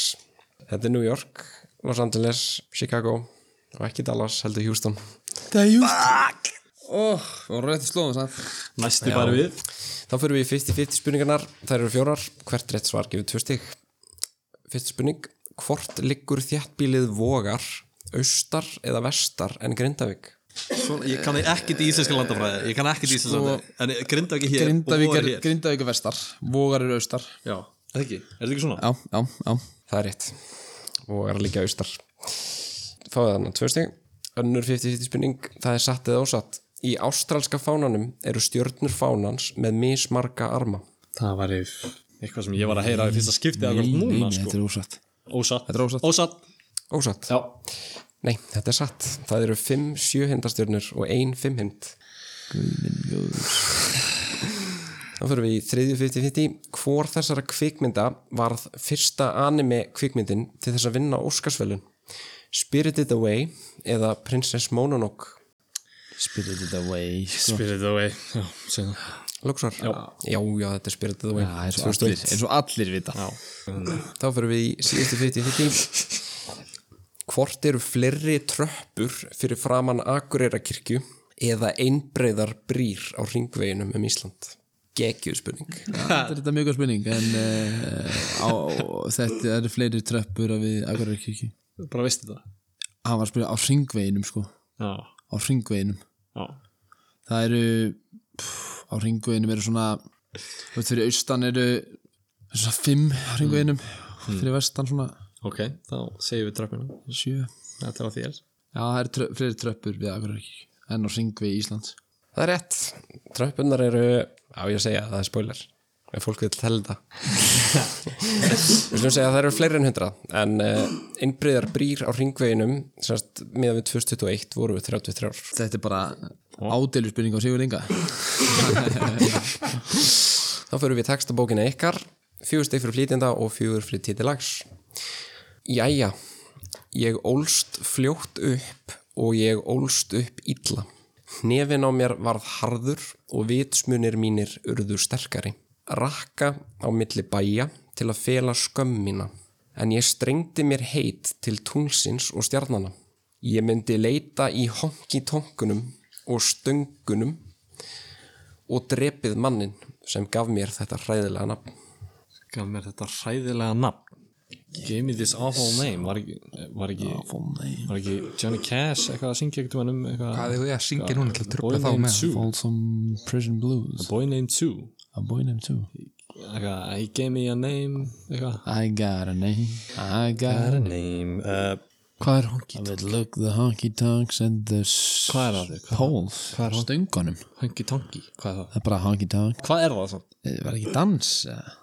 Þetta, þessi gamur þetta hræðilega nafn Já, það er eitthvað Johnny Cash lag sem Þetta er er annað The Cash or the Boss Þetta er annað Kassarinn eða Springsteen Kassarinn, það er ein lína í, í kasslægi það sem hann segir eitthvað They gave me a name eitthvað, Sue eitthvað, ég er ekki að djóka sko en það er náttúrulega kemur ekkert fram í Peggy hér. Sue Chop Suey A boy named Sue Tjópsu við rétt.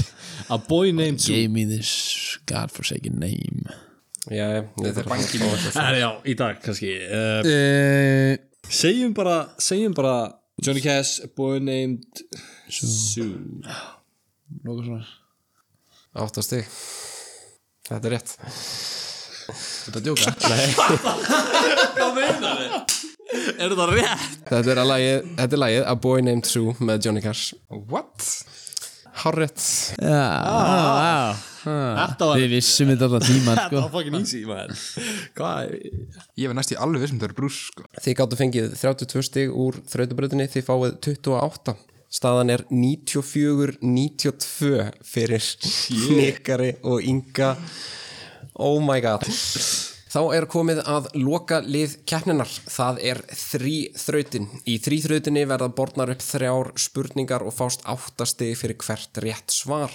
Þannig hvert lið getur unni sér inn allt á 24 stig. Í þrý þrautinni er alltaf eitthvað þema. Í síðasta þætti var það galdrakústar, enda var það Harry Potter þemaþáttur. Að þessu sinni er þemað bílar. Já, liðin skrifa svörinir á blað og rétta mér svo. Fyrsta spurning í þrýþrut. Vörumerki hinna ímsu bílaframleðanda eiga sér flest ríka sögu og vísa oftar en ekki í uppruna fyrirtækjana eða jafnvel þau gildi sem fyrirtækin voru reist á.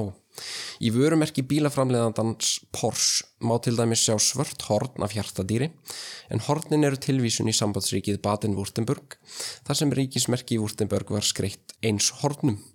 Þá má einnig sjá svartan hest í merki Porsche en hesturinn er tilvísun í heimaborg bílaframleðandans sem liggur innan Baden-Württemberg og ekki nóg með það heldur má einnig lesa nafn borgarinnar á sjálfu Porsche merkinu. Og því er spurt, nafn hvaða þýsku borgar má lesa í merki allra Porsche bifræða? Við fyrir þá í aðra 30. spurningu. Volkswagen Bjallan Herbie er án efa ein allra frægasta drossi að kvítatjálsins.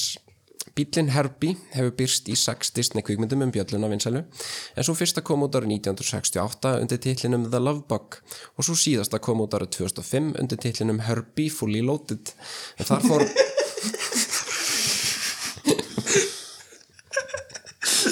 en þar fóru Lindsay Lohan, Justin Long, Matt Dillon og Michael Keaton með alhendur. Í gegnum kvikmyndaseríuna hefur Herbie viðhaldið útlitið sínu sem drapplitið Volkswagen Bjalla með tveggjastafa tölu á húttinu og hliðunum en einni með rauðri, hvítri og blárri rönd sem fylgir bílnum endilöngum. Undarfærin ár hefur einni mátt berja augum íslenska Volkswagen Bjöllu málað eins og Herbie sem kyrt hefur um götur Reykjavíkuborgar vegfærendum til mikilla skemmtunar. En hver er tveggjastafatalan sem lesa má af húti og hliðum allra Herbie bifræða? Við fyrir þá í þriðju 33 spurningu. Þann 22. november árið 1963 var forseti bandarækjarnar John F. Kennedy ráðun af dögum í Dallas í Texas meðan hann ókum götur borgarinnar með konu sinni Jackie, ríkistjórunum John Connolly og kon hans Nellie Connolly á samt tveimur leini þjónustumönnum. En í hvers konar bíl var Kennedy að kera þegar hann var myrtur? Úslitin munu ráðast á síðustu spurningunni. Dó Bless, hann ekki í blessaði Herbie? strákanir Ling, hann, hann, Kennedy Nei, ég held að hann hafi verið hann að muni eftir þáttunum þegar voru þegar ég var yngri allan brummi. voru brummi, já, Brummi getur brummi, allt, getur já. Ah. allt, allt. guli hömmerinn litli hann Á, Þetta var ekki hömmer Það var svona semi, þetta, þetta, þetta, þetta, er mjög- þetta, var- ég var náttúrulega mjög ungur en þetta var mjög blörrað sko. ég, ég, en mér minnir að í einum þættinum hafa hann verið að keira með John F. Kennedy en hann gat ekki bjargað honum þó hann hafi getað eins og í læginu, Ah. getur allt. hann getur allt en þar kom í ljós að hann getur bara flest Ah. ekki allt Við förum yfir þetta. Fyrsta spurning, það var spurt hvaða, nafn hvaða borgar má lesa í vörumerki Porsche bifræða. Hnikar og Ingi segja Stuttgart, Kristján og Jón segja Köln. Rétt svar er Stuttgart. Önnur spurning, hvaða númer má sjá á hlýðum og framan á hörbi? Hnikar og Ingi segja 53 og Kristján og Jón segja 11. Rétt svar er 53. Woppa. Og þriðja og síðast spurningin í hvernig bíl var JFK þegar hann var myrtur bæðilið sé að Lincoln og Lincoln er rétt svar. Leikar enda 100 og átján 100. Eh, Ég, ég, ætla bara, ég ætla bara að þakka Inga fyrir að auðra okkur Bara njóttu Keep the change En ég meina, vá, þvíli keppni, ég ræðist á síðustu spurninginni, tvö stiga millilega. Já, eftir að ég var hérna síðast þá unnum við náttúrulega með mesta mun í sögu keppnar þannig að við fengum svona ábendingum að halda þessu í jöfnu núna halda smá spenni í þessu fólk var hægt að hlusta eftir þriði bjöllu Þetta eru komst í 32-0 þá ákveða slaka eins á Já, við sáum, við sáum hvað, í hvað það stemdi og ákvæmum ekki með sér Rífðum ekki um sambandi Rífðum ekki- Rífðum ekki um sambandi Já, leikar enda 100 og átján 100. Bara geggju keppni á báðanlið og svakaleg bjöllu keppni hjá ykkur, Gekki Kristján og Jón. keppni hjá þér, vel skrifað og bara Takk, loksins skrifa góða keppni sko. Þeir vinn mjö, Já, með betri svona stýrðum keppnum sem ég hef tekið þátt í Já, Handrit það var og mjög mjög gott vel stýrt Takk fyrir það, takk fyrir það. Og Stefán fær þarna eitthvað svona, eitthvað smá.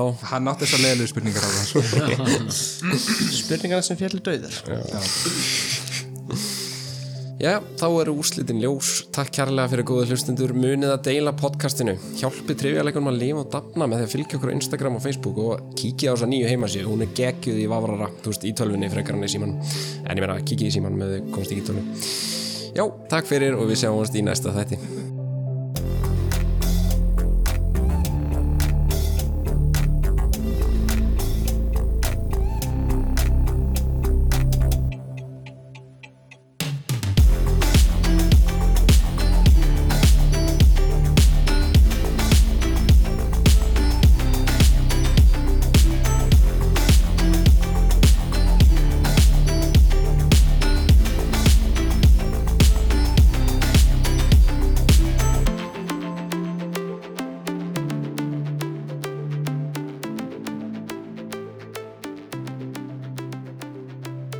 Herjá, endla verið duðlegir að tala framan á og nála Ég er svo út af saga Það er svona ágríns ef ég, Já, út af saga er- Já, já, já, Ég hlusta stundum á bylgjuna Ef ég, eh, þú veist, ef það eru kannski auðlýsingar út úr svo að það var mjög skýrt svona hljóðið Þú veist Já, já, já Það var svona Lilja, Gulli og Heimir í bítunni á bylgjunni Já Petur Gunnarsson hennar við Já, já Það bara Þetta er bara Hver- ge- getur ekki-